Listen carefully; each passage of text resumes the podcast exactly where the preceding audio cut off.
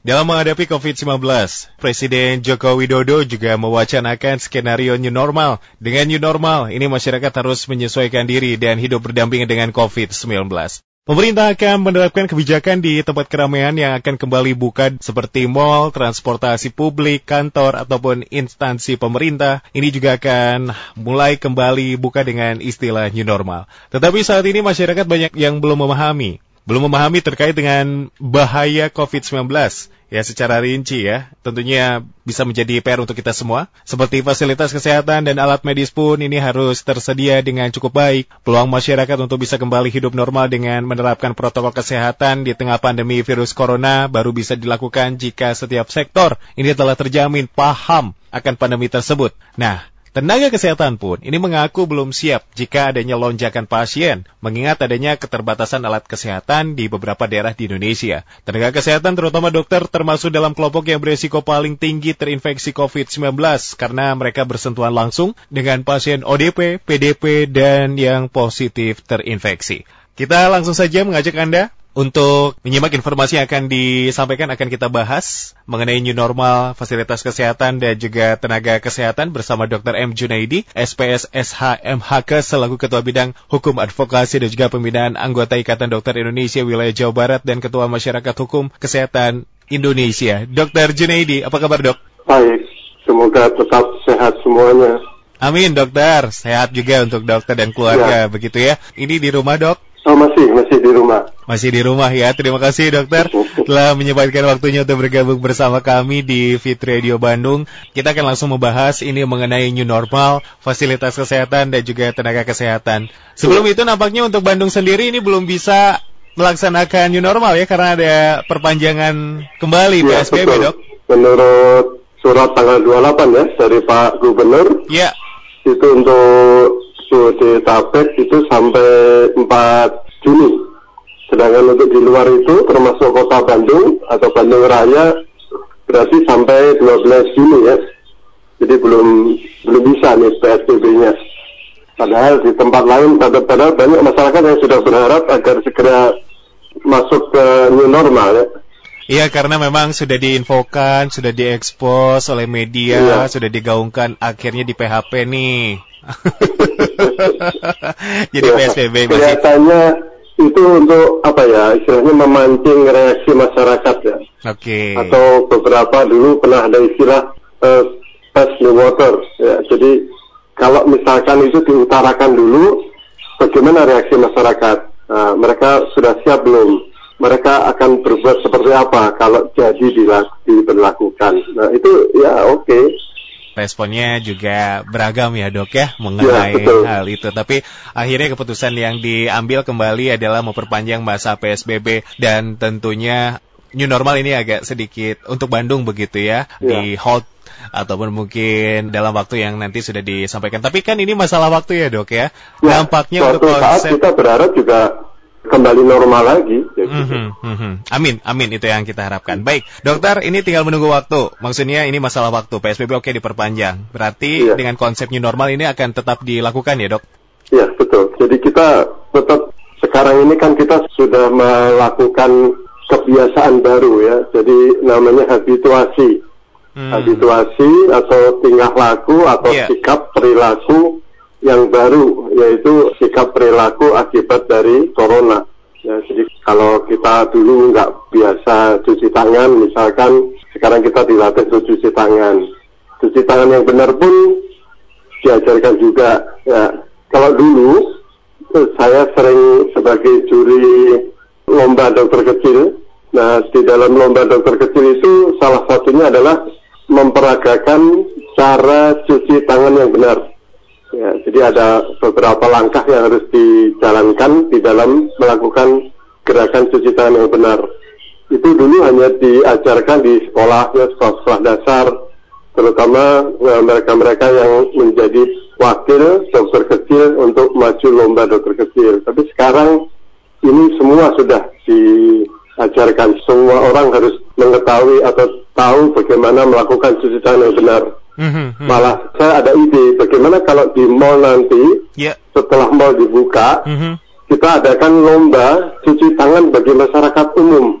Ya, bagaimana mencuci tangan yang benar nih, nah, kayak gitu. Ya, itu tuh ide bagus juga. Jadi kalau dulu hanya dokter kecil yang kita uji untuk melakukan gerakan cuci tangan yang benar, sekarang kita uji masyarakat gitu. Di mall misalkan nanti dengan hadiah ya untuk penggembira lah gitu. Itu saya kira bagus juga begitu. Itu pemikiran yang mungkin luar biasa supaya tentunya bisa diaplikasikan suatu saat nanti ya dok ya. Uh, ya, membuat... karena kan kita hmm. sekarang sudah mulai berubah kan? Iya betul. Berubah ya, habituasinya sudah berubah gitu. Hal-hal seperti itu yang nampaknya kecil tapi sangat besar sekali saat ini, apalagi di tengah pandemi COVID-19, protokol kesehatan ya. yang harus terus dilakukan di mana pun berada ya dok. Iya, betul. Tidak hanya di rumah, apalagi di luar rumah, tempat di tempat umum. umum. Ya, betul. Baik. Jadi new normal ini akan tetap dilakukan di Indonesia salah satu konsep berikutnya setelah PSBB. Alasannya pastinya memiliki alasan yang kuat pemerintah akhirnya memilih untuk kebijakan ini. Baik, dokter. Ya, berdamai uh, dengan corona. Baik, dokter kalau misalkan kita ya. kaitkan dengan kondisi seperti ini di Indonesia lah begitu, ya negara hmm. lain juga mungkin sudah melakukan uh, terlebih dahulu. Tapi untuk Indonesia, Bandung atau Jawa Barat pada khususnya, ini bagaimana dok?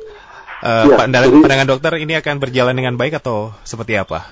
Diharapkan dengan perpanjangan-perpanjangan ya, mau dihilangkan PSBB-nya nggak jadi, mau dihilangin lagi nggak jadi, itu kan dengan bertambahnya waktu sikap hidup atau pola hidup kita kan makin terlatih. Nah, jadi nanti suatu saat apabila PSBB sudah dihilangkan, kita masuk namanya era new normal, kita sudah biasa ya, kita sudah terlatih.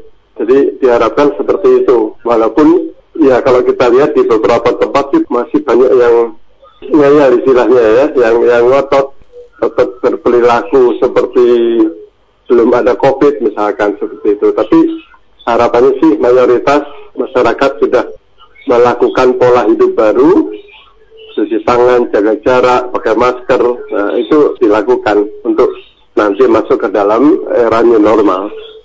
Dan Indonesia juga tentunya mungkin mencontoh negara lain ya dok mengenai hal ya. ini. Adakah ya. keberhasilan satu negara yang sudah melakukan new normal ini dokter? Yang mungkin bisa menjadi referensi ataupun contoh Indonesia yang akhirnya mengambil langkah demikian? Ya, jadi kalau kita bercermin bagi negara-negara lain yang sudah kasusnya sudah berkurang banyak, mm -hmm. kemudian mereka mulai menerapkan pola hidup baru, yeah. itu beberapa ada yang bagus ya, ada yang kita bisa melihat itu tapi ada juga beberapa yang begitu diberlakukan PSBB-nya atau lockdown-nya dihentikan kayak di Cina, lalu kemudian daerah itu terbuka, orang luar masuk, muncul kasus-kasus berikutnya, kasus buah kayak gitu. Nah itu juga bisa menjadi pelajaran bagi kita, bagaimana nanti mencegah munculnya kasus baru apabila lockdown sudah dihilangkan. Ini kita bisa belajar, dan saya kira pemerintah juga sudah mempelajari itu ya, mm-hmm. mengambil contoh dari negara-negara yang berhasil melepaskan diri dari PSBB tanpa adanya gejolak munculnya kasus baru ya itu. Ya dokter tentunya kalau misalkan setiap kebijakan selalu ada pro dan kontra demikian ya, ya dok ya. New normal yang akan dijalankan pun ini tidak luput dari uh, kontra. Maksudnya ada beberapa juga yang memberikan sudut pandang lain ya mengenai kondisi yang nanti akan diberlakukan. Dokter, apakah juga tentunya kalau misalkan new normal ini sudah berlangsung otomatis kegiatan pun ini berangsur akan uh, bertahap kembali uh, seperti biasa dengan protokol kesehatan. Yang ditakutkan adalah apakah ini bisa saja terjadi second wave ataupun gelombang kedua di Indonesia yang ya siapa tahu ataupun kemungkinan ini berdampak pada jatuhnya masyarakat jauh lebih banyak yang terinfeksi, dokter. Iya, jadi diharapkan sih dengan belajar dari kasus negara lain, kemudian penerangan kepada masyarakat yang cukup sikap hidup kepada diharapkan di masyarakat yang yang bagus, kesiapan tenaga kesehatan, kesiapan rumah sakit. Nah, diharapkan tidak ada ledakan kedua atau ketiga seperti yang terjadi di negara lain. Nah, harapan harapan itu kita dari tenaga kesehatan, kita sekarang ini kan kasus berkurang. Pada waktu kasus berkurang, tenaga kesehatan agak sedikit bernapas lebih ringan ya. Jadi kalau dulu Kalau kasusnya pasiennya banyak, kita mungkin gantian jaga itu mungkin hanya sehari atau dua hari yang sangat menguras tenaga. Tapi dengan berkurangnya pasien, kita sekarang bisa istirahatnya bisa agak lebih lama. Mm-hmm. Kalau dulu mungkin dua hari sekali, tiga hari sekali, sekarang kita bisa empat hari, lima hari, baru giliran jaga berikutnya. Jadi itu agak ringan. Kemudian tenaga-tenaga di rumah sakit juga sudah terlatih ya, sudah terlatih bagaimana cara memperlakukan pasien yang dicurigai terkena COVID-19. Demikian juga dengan peralatan. Ya, peralatan kita dengan berkurangnya pasien, misalkan ventilator, kita beberapa rumah sakit sudah menyiapkan uh, katakanlah 20 ruang isolasi. Sekarang dengan berkurangnya pasien, mungkin tinggal tiga atau empat pasien yang dirawat. Kita masih sisa punya ruangan yang banyak, dan itu tentu kita jadi lebih siap Demikian juga yang tadi dikatakan protokol ya, jadi SOP-SOP yang kita buat dalam menangani pasien COVID itu mulai dari IGD, dari pintu depan, kemudian di triase, disaring, kemudian dimasukin dia zona merah, hijau, biru itu semuanya protokolnya sudah jelas. Jadi kalau dari segi tenaga kesehatan sih saya kira sudah lebih siap ya, mm -hmm. lebih siap karena lebih terlatih dibandingkan dengan waktu kasus pertama dulu kita betul-betul sangat tergagap-gagap ya, kaget, nggak tahu harus bagaimana seperti itu. Tapi kalau sekarang sih udah jauh lebih siap. Demikian Baik, terima kasih Dokter Junaidi atas pandangannya mengenai hal itu dan uh, langkah apa pun yang diambil ini juga tentunya intinya tetap diperuntukkan untuk masyarakat secara luas ya dok ya supaya ya, di tengah betul. pandemi ini juga cepat selesai dan kesehatan, kenyamanan dan keamanan tenaga kesehatan pun yang berada yang paling depan dalam mengenali pasien COVID-19 juga diberikan hak-haknya. Demikian ya dok ya. Juga ya, tentunya supaya ya, betul supaya fasilitas kesehatannya tetap siap dan tenaga kesehatan pun sebagai sumber daya manusianya pun ini mumpuni untuk menangani pandemi COVID-19 ini. Lalu dok ini menarik dok. Di Indonesia sendiri ini semakin hari semakin banyak kasus, banyak polemik, banyak juga kejadian-kejadian yang viral, yang diangkat di media sosial dan sebagainya.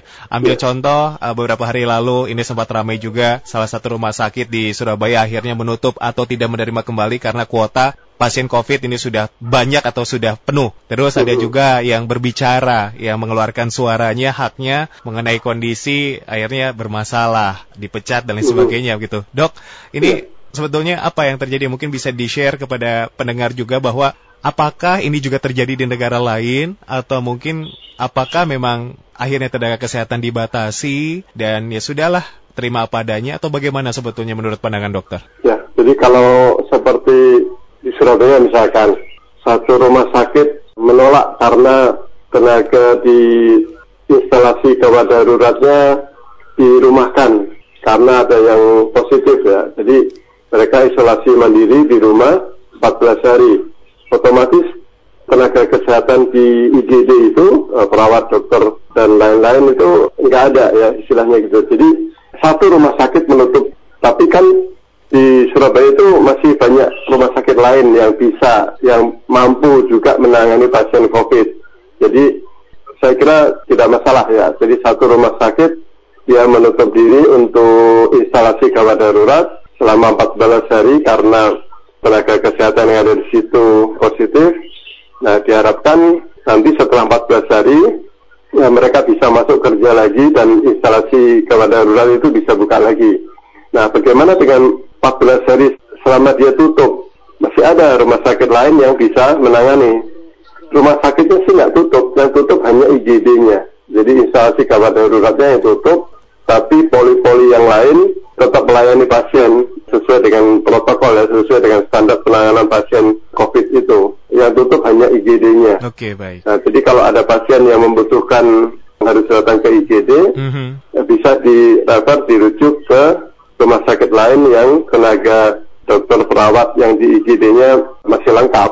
Jadi saya kira itu tidak masalah karena hanya satu rumah sakit. Mm -hmm. uh, diharapkan jangan banyak-banyak tenaga kesehatan yang seperti itu ya. Mereka semuanya positif terus isolasi mandiri yeah. kan iya. nanti banyak yang apa uh, kasihan masyarakatnya kalau mm -hmm. kalau misalkan katakanlah 10 rumah sakit IGD-nya tutup, nah tentu itu ya nggak baik ya.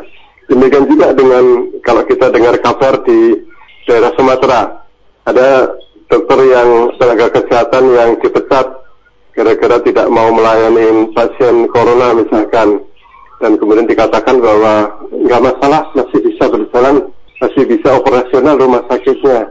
Oke itu mungkin bisa tapi tentu terganggu ya. Kalau lengkap tenaganya pelayanan itu akan optimal.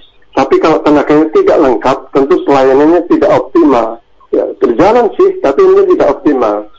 Kita memakai contoh Surabaya aja. Jadi satu rumah sakit menutup instalasi gawat darurat. Karena tenaga kesehatan di situ terpapar. Nah, itu satu satu unit ya, unit IGD. Nah, kalau yang di Sumatera itu beberapa unit misalkan bukan hanya IGD, tenaga kesehatannya dipecat, tentu operasional rumah sakit itu jadi nggak optimal kayak gitu. Pelayanannya pun mungkin nggak optimal juga. Itu, jadi diharapkan sih kasus seperti di Sumatera itu tidak terjadi lagi.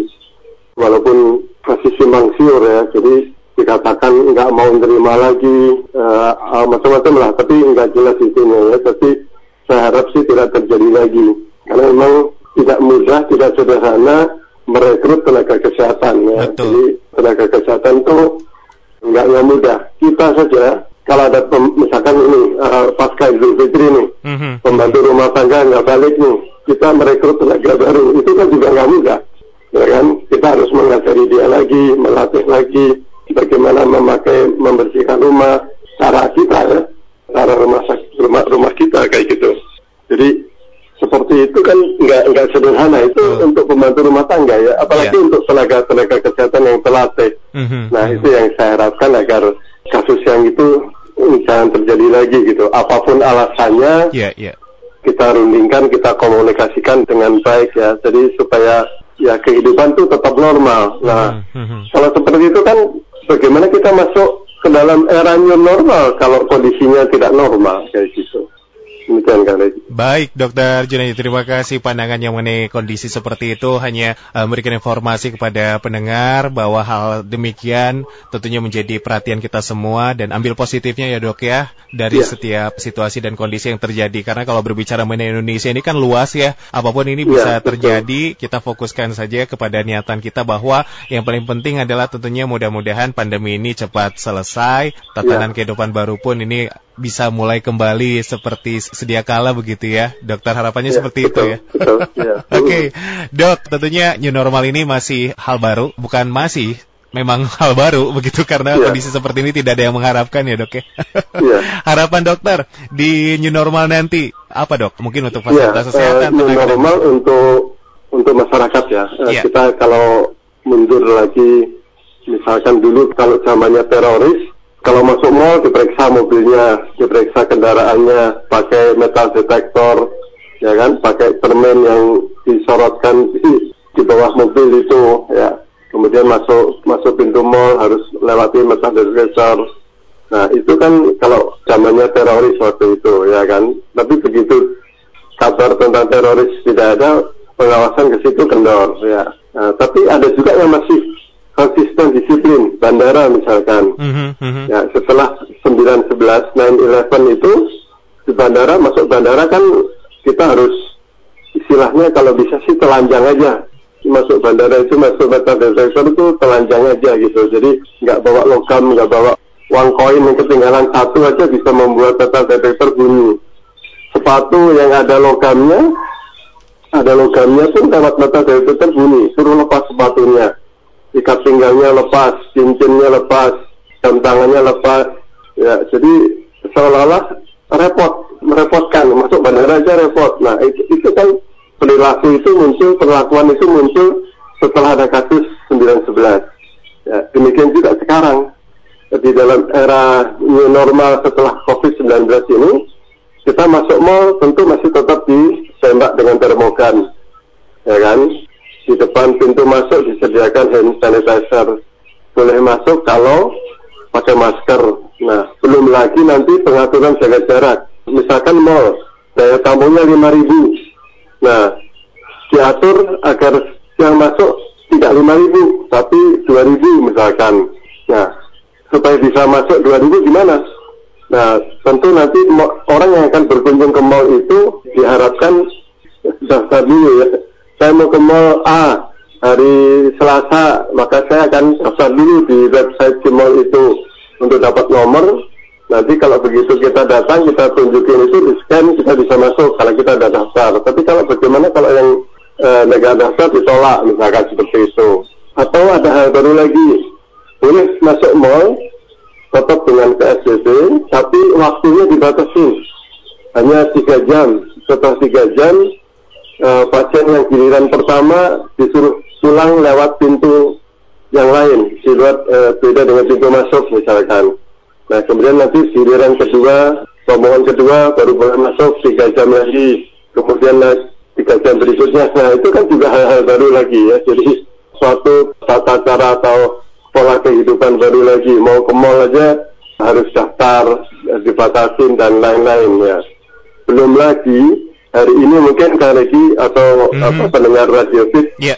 uh, melihat di medsos uh, gambar-gambar uh, barang-barang di mall yang berjamur ya, mm -hmm. jamuran ya, mm -hmm. tas, tas-tas bagus, jamuran, sepatu, jamuran ya, itu kan membuat orang juga takut ya, barang-barangnya nanti yang dijual masih seperti itu, belum lagi nanti apalagi yang ada di mall itu yang meragukan misalkan kualitasnya. Nah, itu hari ini juga beredar hal seperti itu. Itu kan juga masuk ke dalam era new normal, walaupun diharapkan hal seperti itu mungkin hanya sementara ya. Nanti setelah mau operasional lagi, AC filter AC-nya udah diganti yang baru, jamurnya hilang, debunya hilang, nah, kelembapan selama dua bulan AC tidak jalan itu tentu menimbulkan berbagai macam polusi udara yang tidak kelihatan tapi bisa kita rasakan.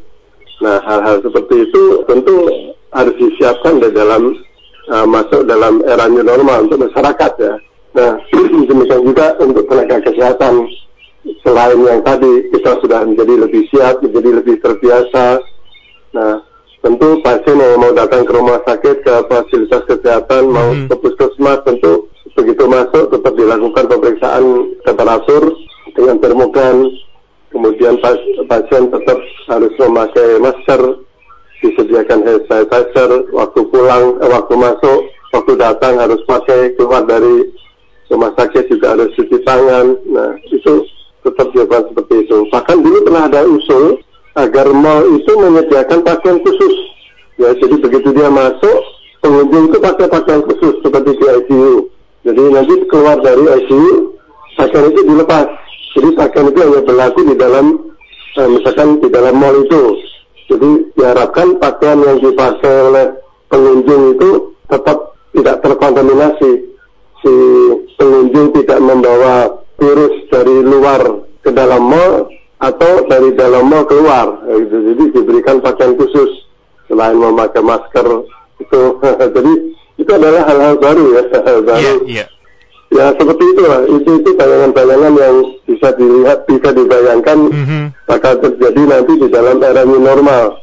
Ya tentu nanti makin lama makin makin berkurang ya keketatannya. Jadi makin lama makin tidak terlalu ketat ya gitu.